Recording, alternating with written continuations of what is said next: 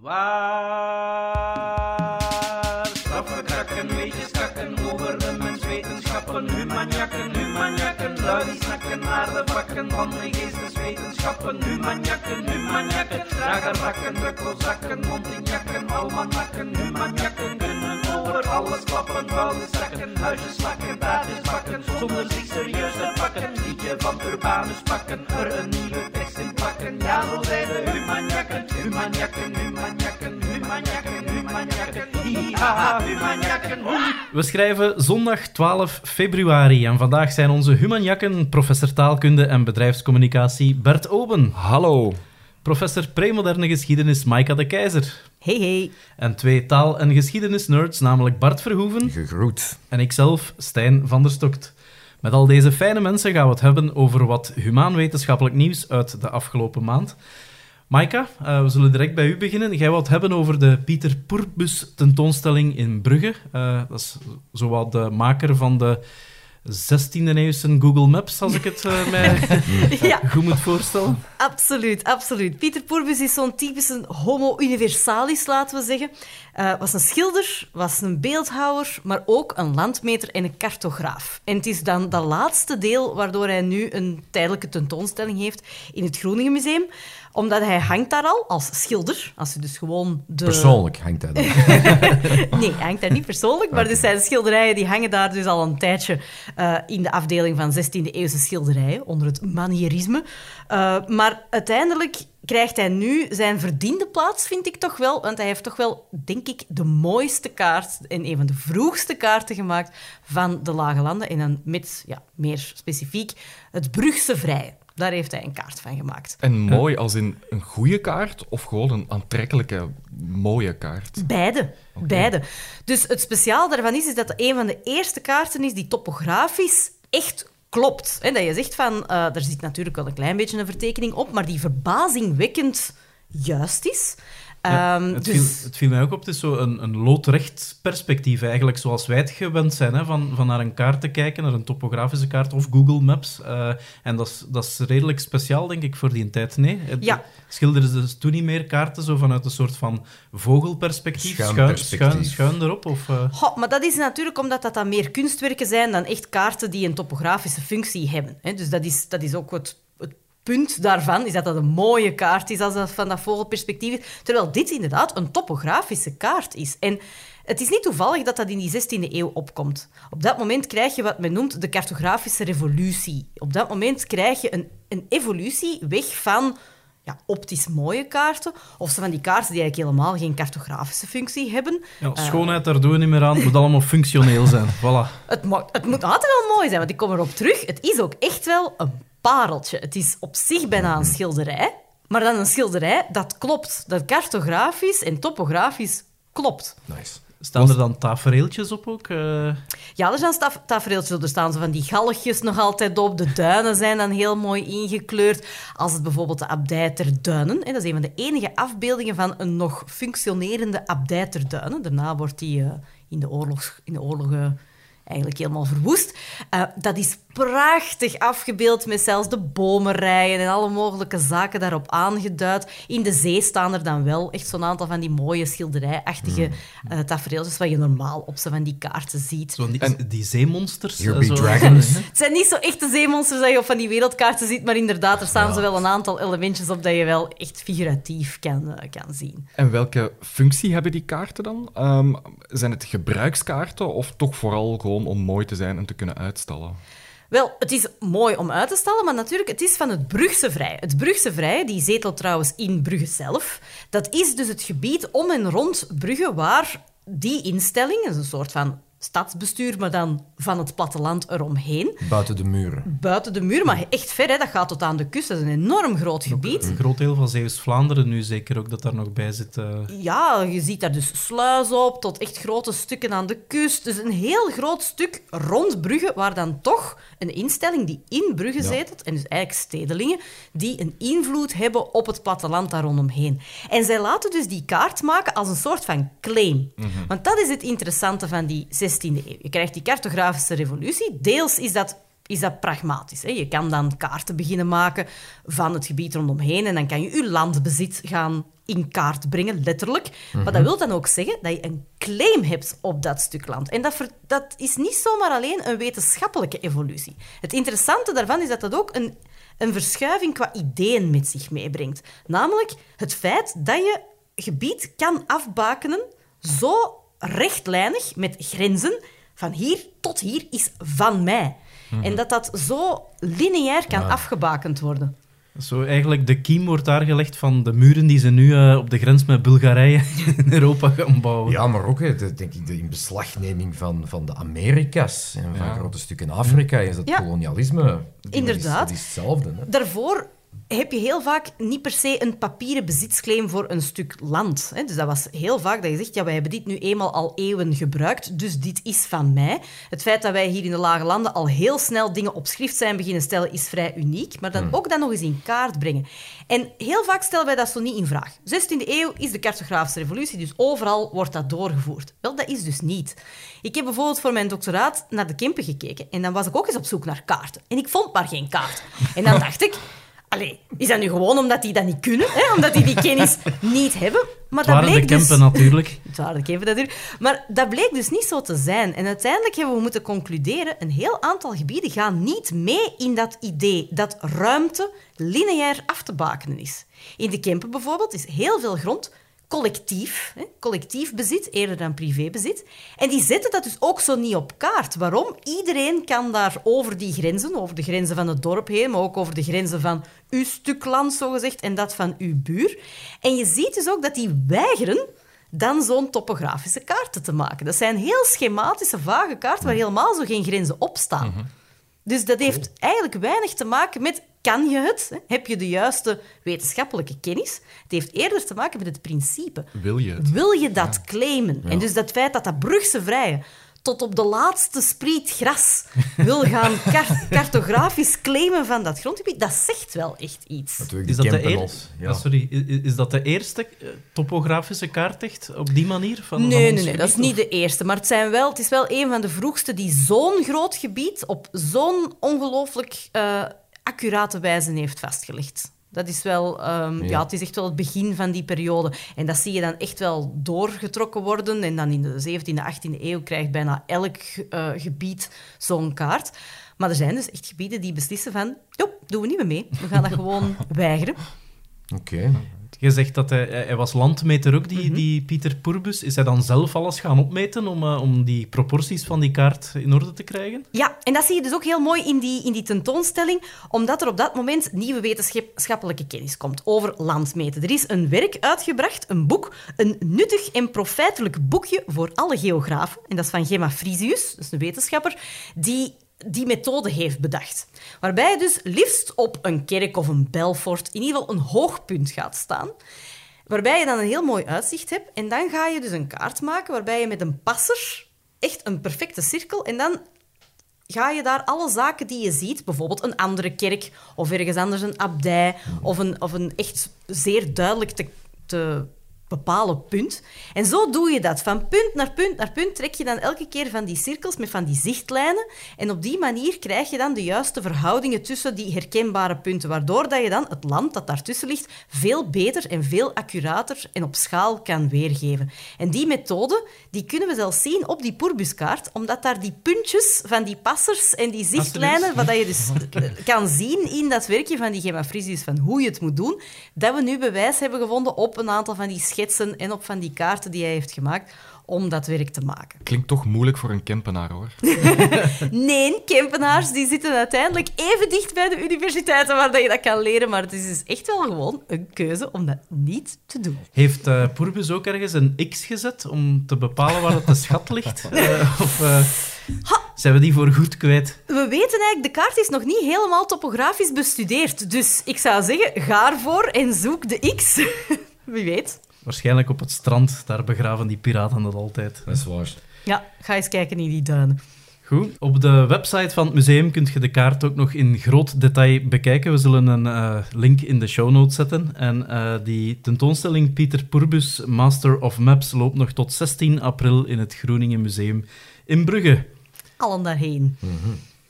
Iets anders dan. Het cliché wil dat Limburgers trager praten, maar de vraag eh, is, eh, is dat eigenlijk wel zo? En een recent Amerikaans onderzoek werpt daar misschien een nieuw licht op eh, de zaak, Bert. Ja, eh, natuurlijk niet licht op die Limburgse zaak, maar eh, dat Amerikaanse onderzoek is de aanleiding voor de vraag die ik hier eh, stelde. Het was eigenlijk een, een commercieel onderzoek van Preply. Ik weet niet of je daar al online reclame Nee. van bent tegengekomen. Ehm, dat is een Oh, Is dat zo een van die verschrikkelijke websites, dat zo prep.ly? Zo... Nee, denk ik. Nee, het, ze, ze leveren eigenlijk eh, taalopleidingen aan. Ah, oké. Dus je kan daar online met een tutor Ah, in contact ja, ja. komen en op die manier... Geen eh, scam taal- dus. taal- taal Zeer, leren. zeer Nee, nee, goed betaalde leerkrachten ook. Met, Eh, Waarschijnlijk ja, goeie, ja, Fantastische legale voordelen. inderdaad. Tuurlijk, ja. In ieder geval, zij hebben wel ehm, hele grote datasets van gesprekken tussen die leerlingen en leerkrachten. En daar zijn ze dus eens in gaan meten welke staten in de Verenigde Staten eh, spreken er nu het snelst. Is er zoiets als een, een trage uitspraak en een snelle uitspraak? En zij stellen wel wat eh, verschillen vast. Dat zal wel. New York. De, de, snelste, snelst? de snelste staten eigenlijk, die aan, eh, allemaal ongeveer aan 5,3 lettergrepen per seconde zaten, dat waren Minnesota. Ja, eh, wel, ik ging dat zeggen, want het is daar pokken koud. Dus die hebben geen tijd Die om geen lang te babbelen. van, eh zegt wat ik zeg, maar ga terug naar binnen. Ja, ja, Montana en zo, toch? Eh, Minnesota, Oregon en Iowa. Dat allemaal in het noorden, hè? Ja, dat waren de drie. ehm, het is daar min 30 snelste. graden in de winter. En de drie traagste, ehm, die zaten ongeveer aan 4,8 Dat is al in lettergrepen per seconde. Eh, Louisiana, Louisiana, voilà. ja, South Carolina en Mississippi. Absoluut. Ehm, nu, daar valt wel wat tegenin te brengen of zo, omdat ze alleen de eh, geolocatie van de toestellen hebben gebruikt van mensen. Dus je weet niet per se of iemand daar echt woont, of daar gewoon toevallig is, of daar ook- altijd gewoond heeft enzovoort. Dus daar valt wel wat tegenin te brengen. Hmm. Dus het kan ook een eh, inwoner van Alabama zijn die toevallig in Minnesota Ja. is, die dan eh, En anders vandaar- gegeo... Vandaar in zijn is, hotelkamer, eh, weet ik veel, een interactie heeft. En eh, op die manier is dat wat onbetrouwbaar. Maar goed, als we dan eens kijken naar, eh, naar Vlaanderen, ehm, zelf een rechtschapen Limburger zijnde, vond ik het wel eens interessant om te kijken. Is er onderzoek dat aantoont dat Limburgers ook eh, effectief trager spreken? Je hebt ook een En- stake in de zaak, hè, Bert? Eh, ja, ik ben eh, een beetje biased. Ik moet wel... Ik moet wel. Heb jij de onderzoeksresultaten vervalst? Eh, nee, ik, ik, heb, ik heb geen eigen onderzoek uitgevoerd. Ik, ik ga gewoon een neutrale review van de literatuur. Goed. Ja, Ehm, ik wil trage Bert, dat ik wil. Ik het over twee studies hebben. Ik wil het over twee studies hebben. Eentje is een studie door eh, Verhoeven eh, uit 2004. Niks mee te maken. Ehm, ik, ik ook niet, ik ook niet. Dat is mijn familienaam ermee. Ah, oké, oké. Oké, oké. niks mee te ik, ik, maken. leer, ik leer nu pas uw eh, familienaam hier. ook. Dat is oké. We zijn heel informeel met elkaar. Ja, inderdaad. Ik, eh, ik noem je gewoon de hele Zeg tijd maar wat mijn, eh, wat mijn neef gevonden heeft. Oké, right. Hij vindt alleszins dat er wel wat verschillen tussen groepen van sprekers zijn. En niet alleen tussen de regio's, maar ook tussen leeftijd bijvoorbeeld. Eh, hij vindt dat jongeren sneller spreken dan ouderen. Logisch. Dat, dat mannen sneller spreken dan vrouwen. Oeh, nee, dat is niet logisch. Ehm, Dat Nederlanders sneller spreken dan Vlamingen. Ja. Ja, oké. En op regionaal vlak zijn het eigenlijk alleen de mensen uit de, de, de Randstad, zo het dichtbevolkte eh, stedelijke gebied, Amsterdam, Rotterdam eh, in Nederland, ehm, dat zij sneller spreken dan alle andere regio's. Oké. En binnen Vlaanderen is er eigenlijk nauwelijks verschil tussen de provincies. Dus van eh, waar komt dan het hardnekkige cliché Ja, dat ja, Limburgers praten, eh, te trager praten? Ja, eh, een goede vraag. Dat, gewoon wordt, een cliché. Dat, dat, ja, dat wordt hier alleszins niet, niet mee bevestigd. Ehm, de traagste praper- praters zijn de Brabanders en de Limburgers, eh, 4,15 lettergrepen per seconde. Eh, De snelste zijn de eh, Oost-Vlamingen, 4,4 lettergrepen per seconde. Maar dat is geen significant verschil. In Oost-Vlaanderen zijn het waarschijnlijk ook 4,4,5 lettergrepen, omdat wij alles af inslikken op het einde. Daarom, daar kun je snelheid mee pakken. Ja, dat was trouwens ook eh, een van de argumenten die ze aanhaalden. Ah, waarom dat er in, in West-Vlaanderen en Oost-Vlaanderen Ja. misschien net iets sneller gesproken wordt, hoewel dat het oneigenlijk is, want het is geen significant verschil. Het is een verschil in gemiddelde, maar geen significant verschil. Maar de verschillen die die studie aanhaalt, zijn allemaal ehm, univariate verschillen. Dus dat wil zeggen... Dat moet je uitleggen. Dat, ga ik wij, niet-Limburgers begrijpen dat niet. Ja, eh, mensen uit de campen zullen het misschien ook wat moeilijk Ik hebben, ben maar... niet eh, van de. Iemand hier is van de. Ehm, univariaat wil zeggen dat je gewoon naar één factor per keer gaat kijken. Dus als je alle mannen tegen alle vrouwen afzet, dan vind je misschien wel een verschil. En als je alle, eh, weet ik veel, ouderen tegen alle jongeren afzet, vind je misschien ook wel een verschil. Maar misschien zijn de mannen wel vooral de jongeren. Dus die relatie kan je daar niet mee ontdekken. Oké. Uh, dus dat is een beetje moeilijk om daar zomaar van uit te gaan, om op die manier analyses uh, te doen. En, uh, en ik heb het nu over een, een, een, herhaling van die studie eigenlijk, want het is gebaseerd op dezelfde dataset van vier jaar later. Um, daar zijn ze ook naar taalinterne factoren gaan kijken. Niet alleen wat zijn de eigenschappen van de sprekers, maar um, wanneer gebruiken die sprekers uh, of, of, wat doen die sprekers? En zo vonden ze dat in diezelfde dataset de lengte van de zin veel beter kan verklaren of iemand snel of traag spreekt dan iemands geslacht, iemands regio of iemands leeftijd. En dus langere zinnen die worden heel snel uitgesproken, kortere zinnen worden traag uitgesproken. Okay. En dat verklaart zoveel van de variatie in spreeksnelheid dat er eigenlijk door die factoren uh, leeftijd, gender, regio dat, dat voegt niets meer toe aan uh, de verklaring van of iemand nu snel of traag spreekt. Uh, er was één uitzondering. Het verschil tussen Nederlanders en Vlamingen, dat blijft nog altijd wel uh, significant overeind. Dus dat is echt wel een groot verschil. De Nederlanders die zitten boven de vijf lettergrepen, vijf lettergrepen per seconde. Ja, ja. Die hebben gewoon veel meer te vertellen dan wij. Ja, die zijn veel meer overtuigd van hun gelijk. Die, wil, die willen dat allemaal zo snel mogelijk, zo snel mogelijk kwijt. Ook hier heb ik eigenlijk wel een paar uh, opmerkingen bij, bij de studie. Twee dingen. Eén, het is gebaseerd op interviews met leerkrachten Nederlands. Oeh, ja.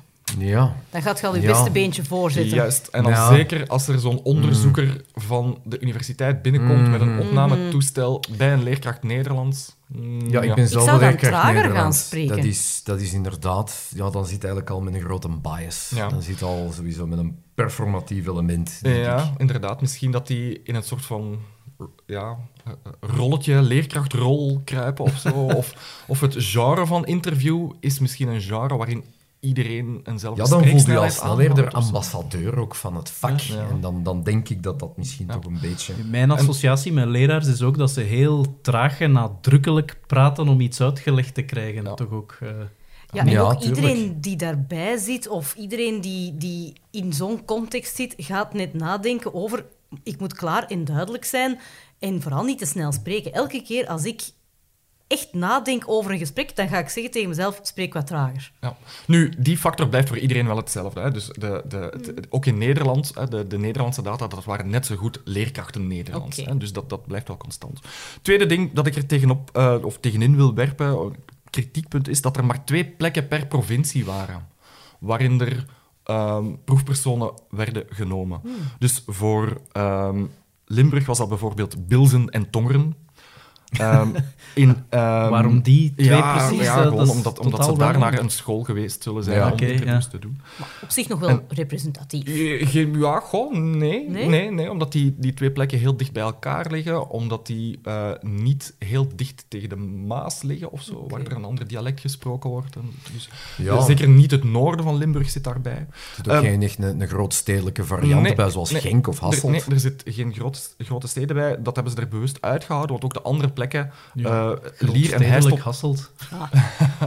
Lier en Heist op den Berg bijvoorbeeld, voor Mm. eh, Antwerpen. Eh, Poperingen en Lier en Heist op den Berg. Ja. Die grenzen bijna aan ja. elkaar. Ja, ja. Eh, Poperingen en Ieper en Oudenaarde en Zottegem. Parkingvak E en F zeker. Ja, inderdaad.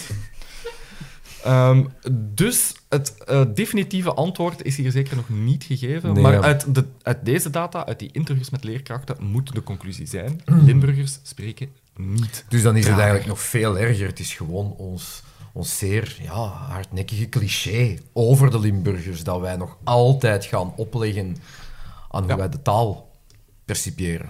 Fantastisch dat we hier eh, zo'n mooi cliché En aan een ontkracht zeer hebben. verstaanbaar tempo uitgelegd bent. yes, yes. Ja. Een tempo dat net hetzelfde is dan Ja. ja, Ja. tempo Zijn. meneer, meneer Verhoeven. Tijd om eh, misschien nog wat clichés te bevestigen of te ontkrachten, want er is ook onderzoek gedaan naar het eh, gesticulaire gedrag van Italianen, Bert. Eh, Eh, ja, dus ook klopt. weer voor eens en voor altijd. eh, Sorry, maar dat is niet ingebeeld, hè? wacht, wacht, wacht, wacht. Oh, blijkbaar wel. We, we, we vragen het aan de wetenschap. En ik, ik spreek erover omdat ik het eh, heb gehoord op een, een Duitse podcast, zowaar. Oeh, Ehm, het zijn twee, twee sterke eh, gesture-onderzoekers, eh, Jana Bressem en Silva Ladewig, die in Talking Bodies, dat is de naam van de podcast, hun, eh, een, een recente aflevering gewijd hebben aan net dat stereotype. Maken Italianen ehm, grotere gebaren. En Grotere meer, gebaren? En, en meer, en Ah. meer, Meer gebaren. gebaren. Zijn ze, En hoe zijn ze snel zijn die? ge- Ja, hoeveel, hoeveel lettergrepen drukken ze uit per seconde met hun handen? Ja.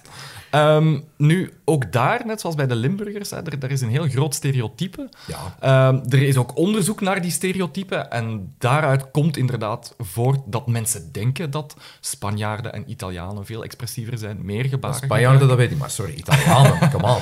Ehm, maar er is heel weinig evidentie dat eh, Italianen meer gebaren gebruiken. Er zijn heel weinig studies die daar eh, expliciet op gefocust hebben. En van de paar studies die dat gedaan hebben, ehm, is de bewijslast niet heel erg sterk. Ehm, ik Maar ga... ook daar weer. Ze hebben die weer in een veel te formele context gezet, waarbij nee, ze dan nee, niet... nee, nee. Gebaseerd op telefoongesprekken. nee, nee, nee, nee. Ik vind de, de, de dataverzameling in deze onderzoeken veel, eh, veel robuuster en overtuigender. Oké, Ik- oké. Het gaat over één, eh, één studie, eh, al, al behoorlijk oud, 1998, van Cornelia Muller. En zij is eh, weliswaar gaan kijken naar het verschil tussen Noord en Zuid. En zij Ja. ehm, is naar Spanje versus Duitsland gaan kijken. En daar heeft ze vastgesteld dat er geen verschillen zijn in de aantallen, maar wel in de grootte, in de positie. Dus ze stelde vast dat er meer gebaren boven de nek werden uitgevoerd door de, Spanje. door Ja. de Spanjaarden. Ze zwaaien, echt. En, Ja. en dat eh, bij de Duitsers blijven de ellebogen dichter bij het lichaam. Mhm. eh, en eh, de, handen, de, hand- handen Ja. dichter bij het lichaam. En dat is bij de Spanjaarden anders. Dus die maken grotere bewegingen doordat ze eh, gebaren hoger maken en verder weg van hun lichaam. Duitsers zijn extreem compact. Ja, juist. Efficiënt, hè? Efficiënt in hun communicatie. Ehm, en daar is dus de hypothese, oké, het lijkt alsof Spanjaarden en bij uitbreiding mensen uit Zuid-Europa, dat die meer gebaren maken, dat die expressiever zijn, omdat ze die ja, meer in your face maken. Ze zijn dichter, dichter bij jou als hoorder. Maar daar is dan toch een verschil in. Daar zit een verschil in, maar niet in de frequentie. Nee, niet oké. in de Ja, dat wil ik nu nog wel geloven, maar inderdaad, die, die grootte doet er toch wel toe. Ja, ja. Ehm, en een, een, een, een tweede studie, ehm, dat ging wel expliciet over eh, Italianen, maar het is wel een ontzettend oude studie. Ehm, uit 1941, jongens. We zijn Oeh. hier eh, over een studie aan het Die hadden tijd in de Tweede Ja, Wereldoorlog in de oorlog. om En gesticulair gedrag te bestuderen. eh, om, om Italianen te bestuderen. En het was een vergelijking tussen Joodse en Italiaanse eh, gebaren. Mogen we deze studie hier wel aanhalen? Is Eh, die ja, wel... eh, Ja, ja, ja. En het was ook nog een, een soort van cross-culturele vergelijking, want er werd gekeken naar eh, Italianen in Italië ehm, en Italianen in New York. Oké. Om te kijken of... Het, het, het was onderdeel van zo'n nature-nurture discussie. Zit het ingeboren in het Italiaan? Hè? Of is het, eh, is het cultureel bepaald, het, het gebarengedrag? En doen de Italianen in New York iets anders dan de Italianen in Italië? En je ziet daar hetzelfde terugkomen. Het was trouwens... Ik wil het vermelden, omdat het... Het is 1941 en het is de eerste studie die echt met videoopnames maakt, eh, werkt. En die frame per frame gaat kijken wat de handen doen. Oké. En echt eh, ook heel goed in beeld brengen welke posities in de ruimte enzovoort. Dus dit, dit, dit was echt zijn tijd ontzettend ver vooruit. Het heeft tientallen jaren geduurd Ja. eer mensen nog eens op die manier naar handgebaren zijn gaan kijken. En daar zie je hetzelfde resultaat terugkomen. Geen verschil in de frequentie, wel een verschil in de beweging en in de grootte van de beweging. En dat verschil dat zat dan tussen de New Yorkse Italianen en de Italiaanse Italianen? Of, eh, En tussen, eh, en tussen de, eh, de Joden die werden Ah, ja, eh, ja. onderzocht. Waarbij de Joden de kleinste gebaren maakten, eh, de Italianen in New York al wat groter en de Italianen in Hmm. Italië nog groter, nog, eh, nog expressiever. When in Rome.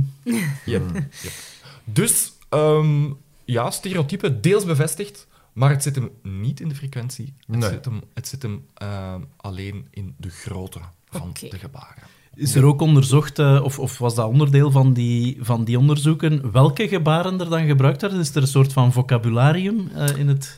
Ja, ehm, en dat komt dan weer uit een derde, recentere studie, eh, die net daarnaar is gaan kijken naar zogeheten emblemen. En dat zijn gebaren die zo'n hele vaste relatie tussen vorm en betekenis hebben. Iets zoals je duim omhoog steken om te zeggen, eh, goed zo. Dat, is, dat betekent altijd hetzelfde.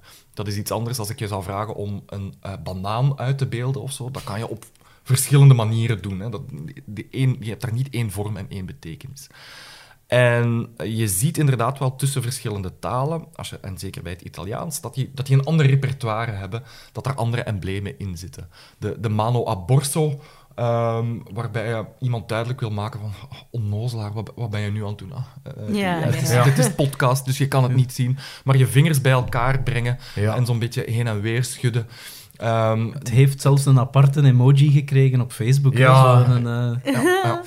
Schitterend. Ja, dus dat, Ja. dat, is, dat is zeker iets eh, typisch Italiaans. Of on- on- onder je kin Onder je wrijven kin. Met, met, met, Ja. met, een, met een vlakke hand, de handpalm naar beneden gericht. Dat is ook iets typisch Italiaans.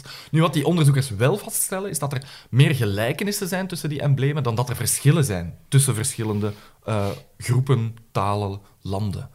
Ehm, er zit heel veel overeenkomst bijvoorbeeld in eh, Mhm, Dus, ja. eh, Of ehm, iets als onzekerheid uitdrukken, van ik weet het niet. Eh, je schouders ophalen en je handpalmen naar boven. Nou, ik weet het niet. Dat gaat van het regenen. Ja, ja, het gaat het Ik regenen weet het gebaar. niet. Weet het niet of het gaat regenen? Juist, juist. Double whammy. Dus er zijn eigenlijk wel eh, meer gelijkenissen dan dat er, dan dat er verschillen zijn. Eh, en één, eh, mm, ja, het, het, het valt onder eh, Italiaans eh, gebaar te, eh, te, te noteren, omdat het een Romeins gebaar is dat ze eh, in die studie eh, aanhalen. En ook in de podcast trouwens, vond ik ehm, de duim omhoog eh, of duim omlaag als teken om ehm, iemand in de arena eh, om het leven te brengen of niet. Wel, ehm, dat blijkt een misvatting te zijn. Dat, Nog een dat- misvatting? ja, dat de duim omhoog wil zeggen, goed, we gaan hem sparen. Eh, eh, ja, dat is, dat is hoe dat we het altijd geleerd hebben, toch? ja, ja. Wel, ehm, nee, zeggen, zeggen deze onderzoekers. Zij zeggen, de duim omhoog stond voor eh, het zwaard. Dus duim omhoog is, haal het zwaard boven. En, Ja. ver- en vermoord hem. En ze gaan terug naar een, eh, een, eh, een Franse eh, schilder, Jean-Léon Gérôme, die dat verkeerd begrepen had. Die in zijn schilderijen het omgekeerde gedaan heeft. Ehm, een Ja. afbeelding waarbij de duim naar beneden gaat en eh, waarbij de eh, onfortuinlijke Ja, vechter natuurlijk. Wij associëren dat met negativiteit. ver- vermoord wordt. dood. Ja, maar... en, en, eh, en op basis daarvan ja. is onze literatuur, ons collectieve bewustzijn, verder, ver, heeft dat verder gebouwd om die duim naar beneden te zien als eh, negatief, er moet gemoord worden. Terwijl dat, volgens deze onderzoekers, eh, in de Romeinse tijd het omgekeerde was. Duim omhoog is het zwaard, is vermoord. De, eh, ja, en we gaan een show zien, hè. Dus, ja. Absoluut. Wat bovendien ook al verkeerd is, is dat de koer die gladiatoren om de vijf botten werden vermoord. Die waren veel te duur daarvoor. Absoluut. Die werden meestal helemaal niet gedood. Ja, Je ja. verloor, maar je werd daarom niet per se gedood. beeld u dus dat- dat, dat is ook al gewoon Na fout. elke match de Messi moet doodschieten. Ah, ja. dat is niet echt rendabel. Nee, dat is niet Nee, nee. rendabel, dus dat werd eigenlijk helemaal niet vaak gedaan. Nu, Messi gewoon betalen is ook al niet rendabel. Dus. Ja, er Maar zijn toch. grenzen aan, maar toch. Goed, maar dus conclusie, de Italianen eh, maken wel degelijk grotere bewegingen, maar niet per se meer eh, dan Ja. andere Europeanen. Juist. Heel juist. Oké, eh, dan is er ook nog Viking-nieuws. Alright. Joepie!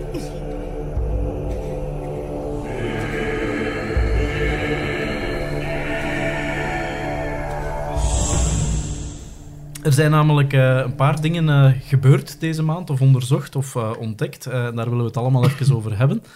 Eh Maika, blijkbaar zouden de vikings graag hun huisdieren meegenomen hebben op hun rooftochten, zo bleek. Ja, absoluut. Er is een eh, zeer befaamde begraafplaats, eigenlijk een crematorium, gevonden in Engeland, Heathworth. Eh, in Derbyshire, eh, waar ze dus 59 grafheuvels hebben. En die zijn ze gaan bestuderen. Ah, die zijn op zich al behoorlijk goed bestudeerd. Maar wat ze nu hebben gedaan, is echt gaan kijken naar de botten die ze daar nog kunnen terugvinden, wat dat maar een heel beperkte sample is, want ze cremeren hun doden, dus er zijn maar heel weinig botten die te bestuderen zijn. En wat je dan kan doen, is naar het uh, strontium-element daarin kijken. En dan kan je zien wat de dieren of mensen die je daarmee bestudeert, wat die hebben gegeten. En dan kan je zien, hebben zij voornamelijk lokale uh, gewassen gegeten of komt dat van elders? En dat hebben ze dus nu eens toegepast op een aantal van die botten die al een hele tijd geleden gevonden zijn in die Heathwood. En daar hebben ze uh, één individu en drie dieren, namelijk een hond, een paard en een varken, hebben ze klaar en duidelijk kunnen zien dat die niet uit Engeland kwamen. Wat dus op zich wel echt speciaal is.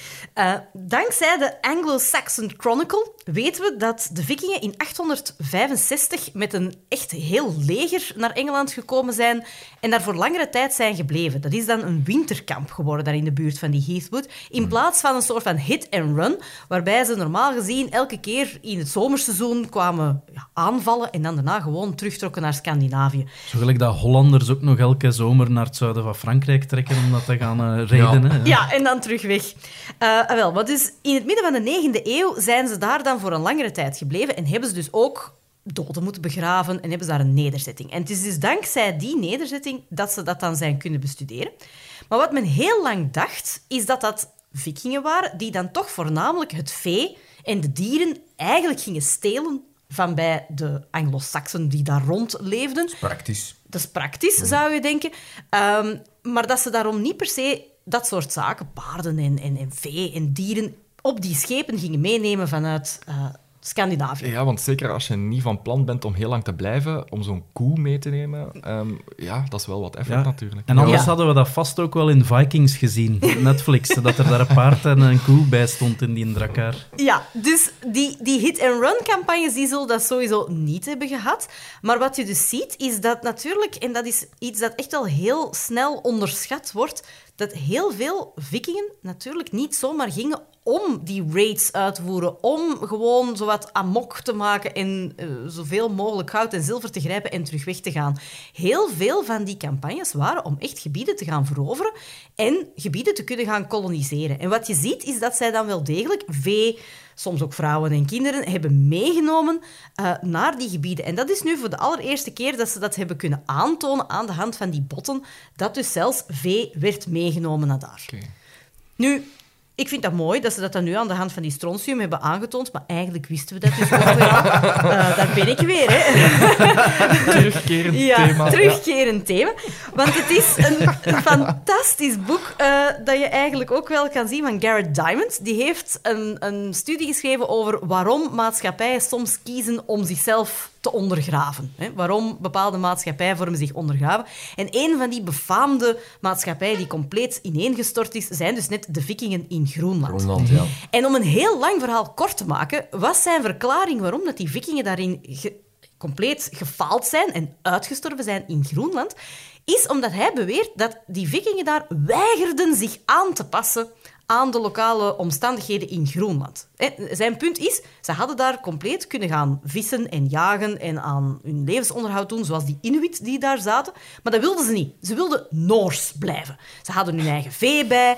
Uh, ze wilden per se de veeteelt doen zoals ze dat in Scandinavië deden. Ze gingen niet vissen zoals dat, dat daar de gewoonte was, op die ijsschotsen. Nee, ze wilden dat doen met hun boten zoals ze dat in Scandinavië deden. En hij verklaarde dus die rigiditeit en dus dat blijven doen zoals de Noren doen, maar dan op verplaatsing in een klimaat dat daar niet voor geschikt is, als de totale ondergang. En dat boek is echt al wel behoorlijk oud. Ik weet het exacte datum niet meer, maar we zijn daar toch al enkele decennia over bezig. Ja. Dus eigenlijk wisten we dit al wel, dat dus vikingen daarom bekend staan om echt wel een aantal van die zaken mee te nemen, zelfs tot koloniën die dus veel verder zijn dan Engeland. Mhm. Dus uh, nu, ondertussen is dat wel een beetje achterhaald. Garrett Diamond heeft geen gelijk op dat vlak. Ze hebben wel een aantal praktijken meegenomen, en zo ook wel vee. Um, maar wat ondertussen is aangetoond, is dat ze zich toch echt wel behoorlijk konden transformeren. En dat zij wel degelijk zich aanpasten aan de lokale gebruiken of het klimaat, bijvoorbeeld Ja. in Groenland. Maar het meenemen van VID is niet compleet nieuw in deze studie. Dat, Nee, eh, nee, maar ze hebben het nu gewoon voor de eerste keer echt kunnen vast- hard maken, vast, ja. dankzij een aantal chemische processen en Ja. zo verder. Maar op zich was dit al wel een standaard verklaring dat we echt wel weten dat vikingen inderdaad een heel aantal praktijken, culturele gebruiken, maar ook echt wel vee meenamen eh, naar gebieden waar zij... Mij lijkt het toch nog altijd een heel gedoe om echt vee mee te nemen. Want dat kunnen toch ook geen grote aantallen geweest zijn of zo? Nee, geen grote aantallen, maar uiteindelijk als je gewoon een aantal stuks vee kan meenemen, dan, dan kan dat. wel. Het ging hier bijvoorbeeld om een hond en een varken. Dat is nu ook niet zo gigantisch. Nee, natuurlijk, maar Ehm, dan zou ik zeggen, ja, neem gewoon een varken dat je ter plekke vindt. Maar goed. Ja, maar ik denk in, in het geval van de hond zal misschien een eigenaar ook gehecht geweest zijn Ja. aan Ja, ja, het beest en het meegenomen hebben. vaak ook een Gelijk dat, ja, soms laten mensen hun dier thuis hier ook nog als op reis gaan, maar eh, soms nemen ze het mee ook. Hè. Dus eh, denk, Ja, Ja, en je kan er ook niet altijd van uitgaan dat je een aantal zaken meteen kan gaan overvallen en meteen ook Mhm. eten te pakken krijgt. Dus op dat vlak is het ook wel slim. Zeker als je natuurlijk naar IJsland en Groenland en de Faroe-eilanden gaat, ja, daar ga je niet zomaar nederzettingen vinden die je meteen kan overvallen. En ook in Engeland kan je er dan voor opteren om toch zeker te zijn dat je dan je één varkentje bij hebt. Plus, Bij ze- gebrek aan een diepvries eh, nemen we gewoon een varken mee. ja. uit de opgravingen bleek dan ook dat ze bijna onmiddellijk na aankomst moeten gestorven zijn, die dieren. Hmm, dus, en ja. gestorven, ja, ik, ik noteer dat dan als opgegeten. Ja. Ehm, dus dat Mogelijk. zal mogelijkerwijs echt gewoon hun, hun voorraadje, Voorraadje. eh, Ja. voedsel geweest zijn. Er is zo echt een, een geweldige genetische kaart van Engeland, waarin dat je zo de Viking Conquest heel duidelijk kunt zien. Hè. De, de mensen in het noorden en in het oosten van het land hebben heel duidelijk veel meer viking-DNA in hun bloed. Ja. Vraag mij nu af of dat er ook in de eh varkenskaart... De varkenpopulatie. gelijkaardige... Het klinkt niet alsof dat die varkens tijd genoeg gehad hebben om van ja, om boot te komen en planten, ja. zijn vrij snel koteletjes geworden. Dus uiteindelijk het enige waar je dat aan ziet, dus die strontium, is wat hebben die dieren gegeten. Dus vanaf dat die varkens dan toch een lang in Engeland zouden overleefd hebben, ja, dan eten zij daar gewoon de vegetatie op en dan worden dat eigenlijk... Ja, die, dan kan je het onderscheid tussen een Engels varken en een geïmporteerd vikingvarken niet meer maken. Dus eh, dat verdwijnt. Er is nog meer viking-nieuws. Eh, Een dan, soort van. dan hebben we het over eh, IJsland. Ja. IJsland dat gekoloniseerd werd door de Noren. Mhm. eh, is ook een van de hardnekkige clichés die we hier vandaag misschien gaan moeten ontkrachten, Bart. Veel, veel, veel ontkrachting vandaag. Gedeeltelijke ontkrachting. Ehm, ja, ik heb hier wat prachtige woorden ook zien staan, zoals strakur, lyomi en eh bardarbunga. En ik ga mij Het klinkt als een eh, metal festival. eh, Of Ja. een, een boonga-boonga-feestje van eh, Ja, Berlusconi of zo. Inderdaad, met, eh, met zeer interessante Italiaanse gebaren. Ik ehm, ga mij verontschuldigen voor de erbarmelijke staat van mijn IJsland, want ik weet niet eens hoe slecht mijn IJslands is. Maar de studie interesseert me wel heel hard. Die komt van eh een Thorvaldur Fredriksson. dat ging zeer al goed. IJslandse naam. van een waarschijnlijk zeer IJslands man. Het boek heet eh Keltar, de Kelten. Eh, de schrijver daarin stelt eigenlijk een zeer hardnekkig cliché in vraag. En dat wordt ook vanuit wetenschappelijke hoek meer en meer ondersteund. Wat is het cliché dat inderdaad de IJslandse bevolking, de oorspronkelijke bevolking als we die zo kunnen noemen, voornamelijk uit Noren bestaat, etnisch gezien? Die mythe is ook heel belangrijk geweest bij de onafhankelijkheidsstrijd van IJsland tegen Denemarken. Want wij zijn helemaal geen Denen, wij zijn Noren, godverdomme. Ehm, wel, ja en nee. Men wist al dat er bijvoorbeeld vanuit Schotland, stukken van Ierland, best wel wat ja, slaven eh, zijn ehm, meegepakt. Ja, die Keltisch waren natuurlijk naar IJsland, maar er is meer en meer bewijs dat er eigenlijk ook bewuste zelfstandige migratiegolven vanuit de Keltische wereld naar IJsland zijn gegaan. En mensen met een zeer hoge maatschappelijke status hebben daartussen gezeten. Hoe weet men dat? Door ook naar de taal te kijken. Eh, elke Deen, Noor, Zweed die naar IJsland trekt, gaat daar natuurlijk heel veel gelijkaardige woorden zien. Maar er zijn heel veel woorden die dat absoluut geen band hebben met Germaanse talen. Thorvaldur Fredriksson is ook in de eh, woordenboeken gedoken en er zijn heel veel woorden in basiswoordenschat IJslands die meer dan duidelijk Keltische roots hebben. Dat zijn dan geen specifieke woorden eh, die met Keltische cultuur hebben, maar woorden zoals gloed of jongen of strijder. Lijf, dat, dat lijkt me straf dat Noren dan zo voor strijder een leenwoord nodig hebben. Exact. Ehm, dus ja, dat zijn hier een aantal woorden die ik hier heb, eh, voor mijn neus heb liggen, zoals glima, een eh, woord voor worstelen. Eh, ja, kijk naar het Keltisch gliaat, hè, battle, strijd. Of lyomi betekent gloed en laum in Keltisch is dan vuur. Dus dat is nogal vrij obvious. Maar ook onze Bardarbunga is een vulkaan, die ik natuurlijk verkeerd aan het uitspreken ben. Eh, Hekla, ook een vulkaan, komt van Iagal, wat dat terrifying, eh, afschrikwekkend is in het Keltisch. Bardarbunga, Bard, is een, is, een, is een bewaker, een guardian. Dus dan gaat de theorie al eerder dat er dus effectief verschillende migratiegolven zijn geweest, al dan niet met veel interactie. En er is zelfs een oude mythe over een, eh, een Keltische koningin, eh Aud, A-U-D, die dat echt met een hele migratiegolf is aangekomen in IJsland en daar ook een samenleving mee heeft opgericht. En daar zou dus meer waarheid in zitten dan voorheen gedacht, maar het is dat IJslandse nationalisme, met die nadruk, wij zijn hier Noren, godverdomson, laat ons gerust Denen, dat dat een beetje de kop heeft ingedrukt. Maar nu is er terug meer aandacht en appreciatie ook voor het Keltische verleden, waar dus ook heel veel linguïstische aantoningen, aanwijzingen voor zijn van ja, die Kelten zaten eigenlijk niet alleen als slaven en onderaan de ladder, maar er moeten ook heel veel invloeden geweest zijn die men achteraf bewust is gaan vergeten. En zijn dat dan latere migratiegolven of is dat eigenlijk simultaan? Het zouden er zelfs vroeger geweest zijn. Vroeger geweest Ja, het zouden er zelfs Ja. vroeger geweest zijn. Als ik mij niet vergis, is er ook zo geen theorie dat Ierse monniken ook al eh, Ja. IJsland ontdekt zouden hebben, nog voor de vikings? Ja, er is zelfs het eiland, eh, als ik het juist uitspreek opnieuw, Iona. Dat ligt in de Hebrides. Dat zijn natuurlijk Schotse eilanden, West-Schotland. En dat eiland was een zeer belangrijke uitvalsbasis van vroege christenen. Ja. Niet alleen missionarissen, monniken, maar daar kwam heel veel christelijke activiteit van waar men ook wel tot in IJsland ging prediken en, en ging, eh, ging het geloof verspreiden. En natuurlijk de Ieren. Eh, Oud, die eh, mythische koningin, kwam ook uit wat dat vandaag Dublin is. Dus die links waren er al. Ja, dat is toch ook wel straf dat zo in, in een van de waarschijnlijk, doordat het zo afgelegen is en doordat het een eiland is, een van de meest homogene populaties in Europa, dat dat toch ook ergens een soort van smeltkroes Ja, ja, ja, gebleken moet geweest zijn. Uiteraard. Zo ziet je dat migratie toch echt van alle tijden is. Hè?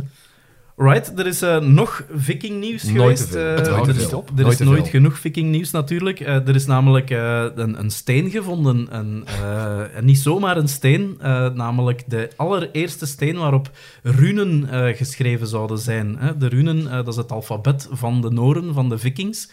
Ehm, dat is ongeveer 2000 jaar geleden, misschien iets vroeger ontstaan, allicht door interactie met de Romeinen, die al een schrift hadden.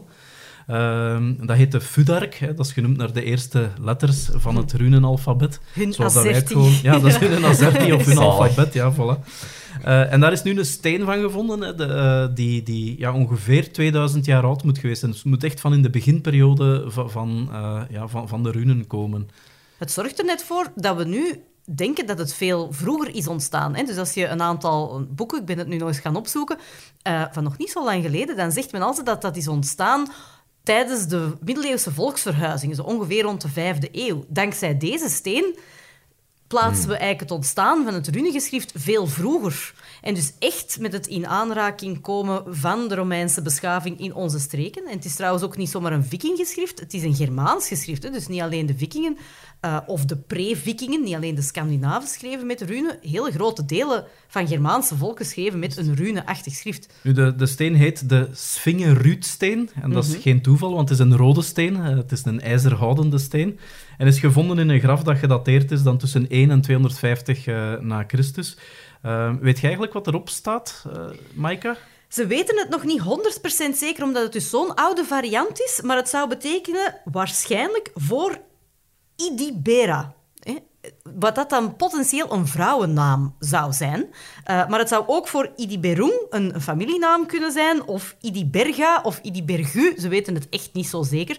Maar het zou dus een soort van gedenksteen voor een persoon zijn, mogelijkerwijs dus een vrouw, die dan in dat graf ligt. Hè? Want het staat bij een crematiegraf, bij een crematieput, Wat dus een soort van graf is dat voor die grafheuvels komt. Daarom, hè, zo echt die vroege ijzertijd, dan, dan groef ze gewoon een put voor die crematie. En dus de steen zou daar dan mogelijkerwijs bij hebben gestaan als een soort van gedenksteen. En we weten dat niet zeker omdat het gewoon niet goed bewaard is, of omdat we het runesysteem onvoldoende, Ja, dus die- vroege ja, die vroege- onvoldoende kunnen lezen. Die vroege varianten, dat, dat weten we dus nog niet zo goed. Hè. Het is dus ettelijke eeuwen voor de, de andere stenen die we hebben. En dus ja, ze weten niet zo goed of dat de klanken, de, de, de tekens, wel voor dezelfde klanken staan en dezelfde betekenis hebben. Dus daarom, of dat dat nu Idibera of Idiberung of Idiberga, ze weten het niet goed, omdat diezelfde tekens doorheen de tijd wel serieus evolueren. Wat ik een van de, de leukste theorieën eh, vond die ik hierover gelezen had, was dat het ook eh, misschien een opschrift was van iemand die het nog aan het leren was. Ja. En die zo een beetje aan het spelen was, gewoon van, hè, dit, zie- zo zien die tekens er ongeveer uit. Zo een beetje gelijk hoe dat kinderen ook soms eh, geheim taal verzinnen. Gewoon aan de slag is gegaan met die tekens en van alles heeft verzonnen. Dat zou zelfs ook kunnen. Ja, er, staan, het, is, het is vooral... Er staat ook ergens een rasterpatroon op en nog een aantal andere, zo wat precies doedeltjes, waarvan ze echt zo denken, dit is zelfs geen rune. Dit, dit is waarschijnlijk iemand die aan het leren kerven is. Ja, jammen. Ja, dat is eigenlijk gewoon wat aan het proberen.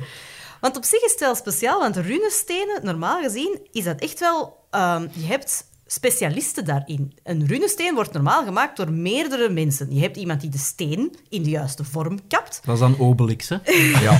Uiteraard, uiteraard. En dan heb je een aantal mensen die, en dat noemt men niet schrijven, dat noemt men ook niet kerven, dat noemt men ritsen. Je ritst runen. Ehm, en dus de ritsers, dat zijn echte professionals, die dat, dat dan in die zeer hoekige vorm, daarom zijn die letters ook zo hoekig, omdat dat dus voornamelijk moet gekerfd worden of op harde materialen moet eh, geschilderd worden. Als dat dan te eh, ja, afgeronde letters zijn, dat is niet zo gemakkelijk om dat te kerven.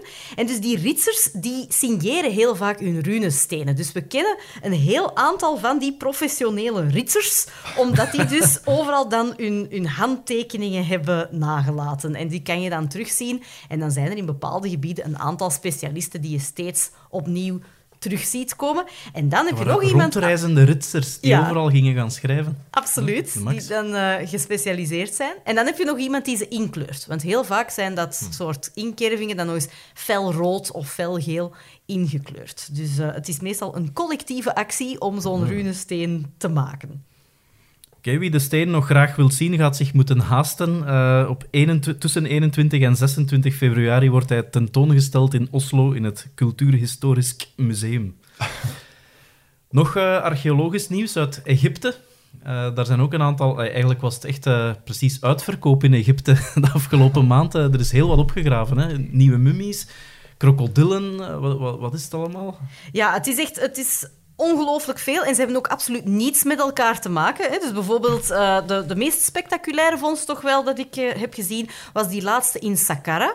Saqqara staat vooral bekend om de plaats van de trappenpiramide. Dat is Die- Djoser zeker, Ja, hè? van Djoser. Hè. Dat, is de, dat is het meest iconische eh, element van die, van die begraafplaats. Maar uiteindelijk zijn er nog zoveel extra sites die van belang zijn. En dus nu hebben ze weer een nieuwe zone opgegraven. En daar hebben ze dus de oudste mummie gevonden, die dus ongeveer 4000 jaar oud zou zijn. Dus die komt uit het Oude Rijk, 2500 tot 2100 voor Christus. Want, allee, dat, dat is echt, je denkt zo, daar, ze zijn daar al honderden jaren, allee, 100 à 150 jaar mee bezig, met opgraven. En toch wordt de oudste nu nog gevonden in onze tijd. En misschien wordt er ooit nog wel eens nog een oudere gevonden. Ja, sowieso, ongetwijfeld. Ehm, want daar ja, zijn er nog zoveel graven op te graven, omdat zeker in het begin gaat men voor de ostentatieve graven. Gaat men voor die piramides en dan gaat men voor de praalgraven. Maar dit zijn bijvoorbeeld... ehm, dit zijn geen farao's die ze gevonden hebben. Het zijn priesters, het zijn ehm, ja, ambtenaren, vooral de hoge ambtenarij, die heel vaak bij farao's of bij die iconische graven willen begraven worden. Hè. Dus dit is bijvoorbeeld een Hekas... Dus ik weet niet of ik het juist uitspreek, maar dat is dus bijvoorbeeld... ehm, dat was het meest volledige mummie die ze dan gevonden hebben. Maar daarnaast lag bijvoorbeeld ook Mary, een, wat gewoon een functionaris is, een hoge functionaris aan het hof. En die, hun graven hebben ze dan nu gevonden, die even mooi en even spectaculair bijna beschilderd en versierd worden, die graven. Dus die waren enorm hoog in aanzien met dezelfde soort beeldcultuur als dat farao's hadden op dat moment. Er zijn nog geen verdachte overlijdens eh, bij de archeologen ondertussen. Nee. De Zahiawas loopt daar nog altijd eh, rond. Dat is zo degene die altijd in de Indiana Jones hoed, eh, als je zo iemand ziet op National Geographic of een ander, dat is bijna altijd Zahiawas. Die is een tijdje eh, uit de gratie geweest na de revolutie daar in Egypte, maar hij is live en kicking en hij doet tegenwoordig weer helemaal mee. En dus elke keer opnieuw mag hij dan de site komen bekendmaken. Dus die blijkt immuun te zijn tegen al die eh, vloeken van eh farao's en zo verder. Wat ook heel mooi was, is een, eh, een, een mummie die al veel langer bekend was, die eigenlijk al van het begin van de 20e eeuw in het museum in Cairo gewoon daar ergens in een depot lag. Ehm, en die ze nu in de scanner hebben gelegd. Dus ze hebben die mummie dan eh, niet uitgepakt, maar gewoon eens helemaal gescand, om zowel de, de omwinselen als het zacht materiaal, de- vel en zo verder nog overbleef. En wat er dan echt in de mummie zat. Wat ze hebben ontdekt, is dat hij dus een, een gouden scarabee in de plaats van het hart. Want bij mummies wordt het hart en de organen, die worden, de organen worden eruit gehaald. Het hart wordt eh, echt ingebalsemd en zo verder. En wat dus bleek, is dat er daar een gouden scarabee op de plek van het hart lag. En dankzij die 3D-scanner hebben ze zelfs gezien wat er op de achterkant van die scarabee stond. En wat bleek, daar stond een spreuk op die moest dienen om het hart, het zwijgen op te leggen.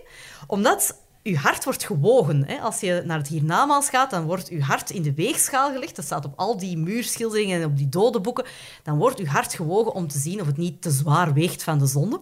En dus die scarabee, daar stond dan een spreuk op om dat hart tot zwijgen te manen voor het moment waarop dat je gewogen wordt. Want op dat moment moet je je blijkbaar koest houden als hart. En die scarabee die diende daarvoor. En dat hebben ze dus nu ontdekt. Hadden ze dan niet beter een scarabee van puimsteen gemaakt als het hart niet veel mag wegen? Eh, Ik weet niet of het de scarabee wordt, maar de scarabee gaat helpen bij de weging, blijkbaar. Dat is eigenlijk een omgekeerde pacemaker. Ja, ja. Koest. Koest.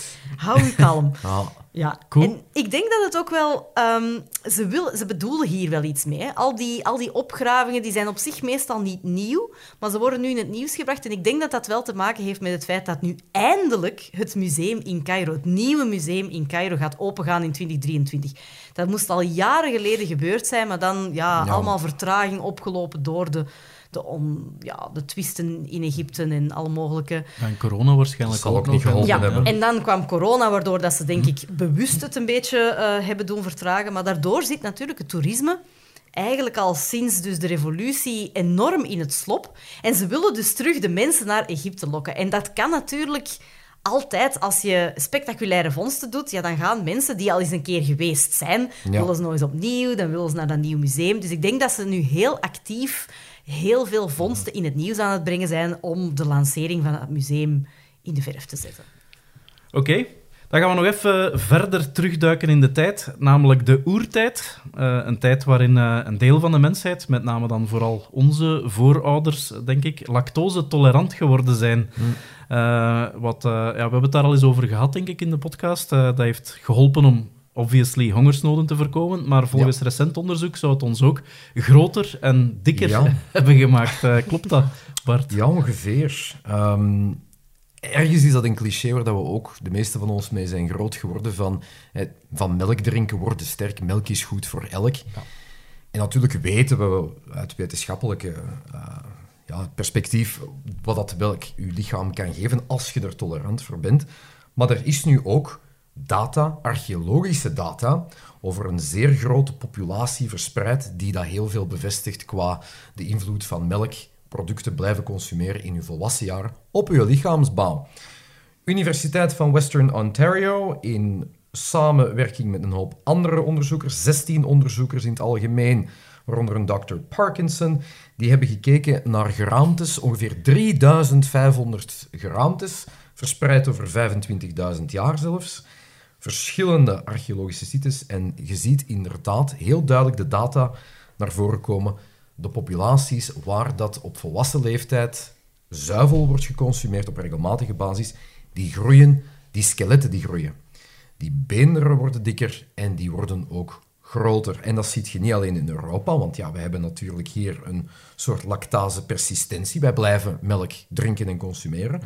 Stukken Arabië, Mongolië, Rifgebergte, Hoorn van Afrika. Iets dat ook moet bevestigd worden, maar heel bekend zijn de Maasai in Afrika, waarvan dat we weten dat zij ook zuivel ehm, consumeren. Dus er is een ongelooflijk sterk aan te tonen link met mensen die groter, fysiek sterker, wordt daarin geïmpliceerd, maar vooral dat die geraamtes zijn beginnen groeien.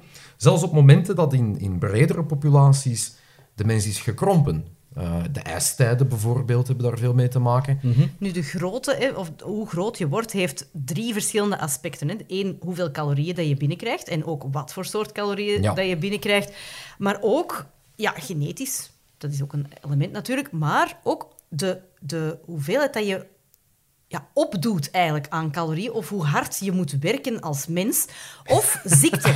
Dus samengevat, eigenlijk, de Hollanders eh, drinken heel veel melk, maar moeten eigenlijk niet zoveel werken. Blijkbaar. En dat maakt van hun de, de grootste mensen ter wereld. Ja, want het is natuurlijk je- zowel de intake als wat je dan op moet geven. Dus die twee. En soms krijg je dus periodes dat mensen krimpen. Niet zozeer omdat ze minder eten, maar omdat er bijvoorbeeld meer ziekte is. Of omdat er super intensieve arbeid is in combinatie met een Het lichaam moet dieet. compacter en efficiënter worden.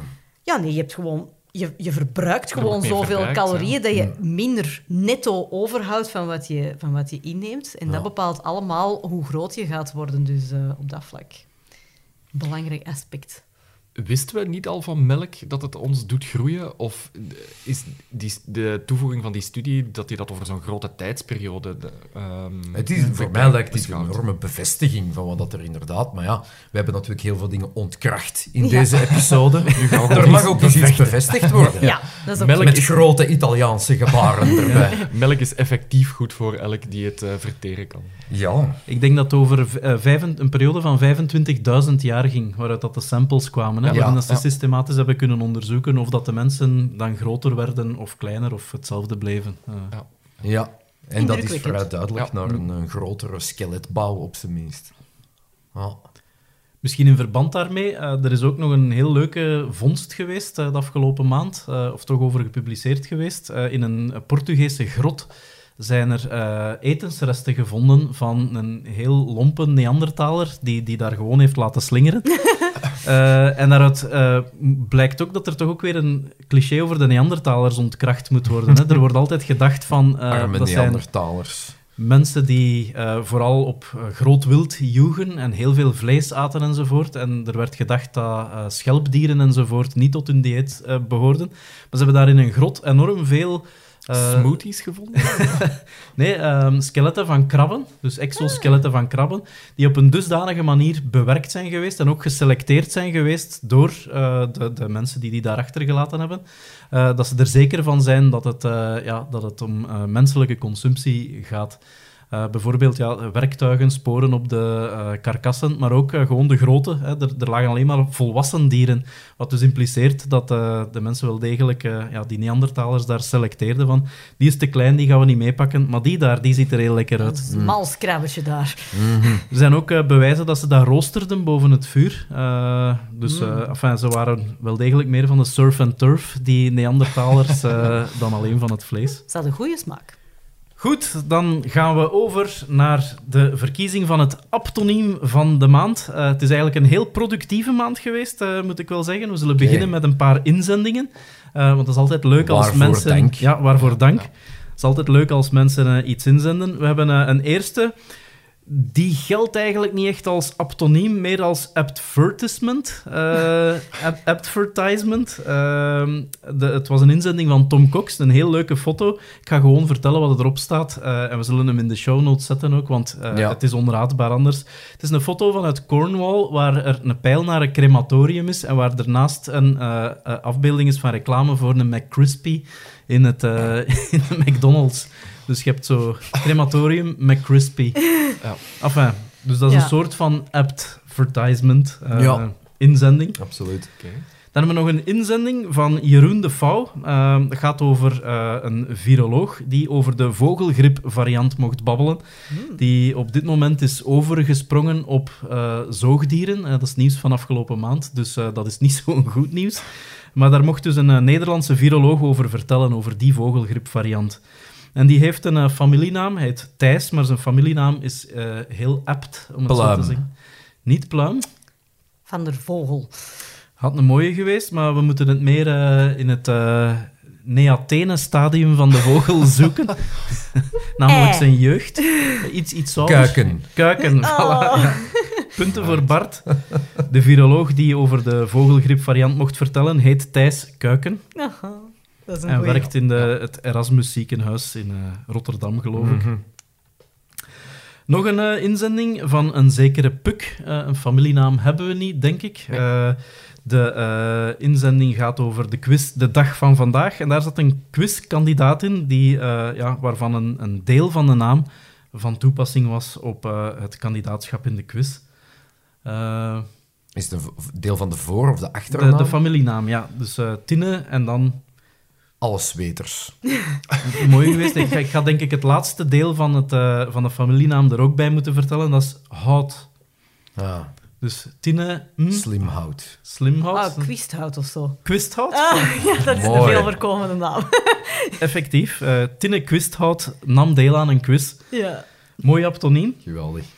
Dan hebben we er zelf ook nog een aantal opgemerkt. Ehm, Bart, jij signaleerde eh, de nieuwe bondscoach, Domenico Tedesco Tedesco. Dat is een Duitser. En Tedesco in het Italiaans. betekent Duitser. Echt? Dat is Ja. Italiaans voor Duits of Duitser. Maar het is niet alleen... Ja, het is Het is een een Duits-Italiaans. Duitse Italiaan of een Italiaanse naam Duitser. is ook een prachtig amalgaam van beide. Oh, dat is zo mooi. schoon. Dat is Ja. heel mooi. Ja. Dan eh, ook in voetbalsferen, de jeugdtrainer van Anderlecht. eh, die kwam eh, een paar keer in het nieuws ook deze maand. Hij heet Jean, maar zijn familienaam is ook een aptoniem. Hij is de jeugd. jeugdtrainer Van- van der jeugd. Dat mooi geweest, Zo. het is een andere. Iets met kadetten. Het is iets met mans op het einde. Kindermans? Kindermans, Kindermans. effectief. Jean Kindermans is de jeugdtrainer van Anderlecht. Oké. Dan was er nog een eh, heel, heel mooie, vind ik zelf, uit Nederland. Eh, daar heb je blijkbaar een gladheidscoördinator van de Rijkswaterstaat. Wat op zich ook al een fantastisch mooie functie is. Ja.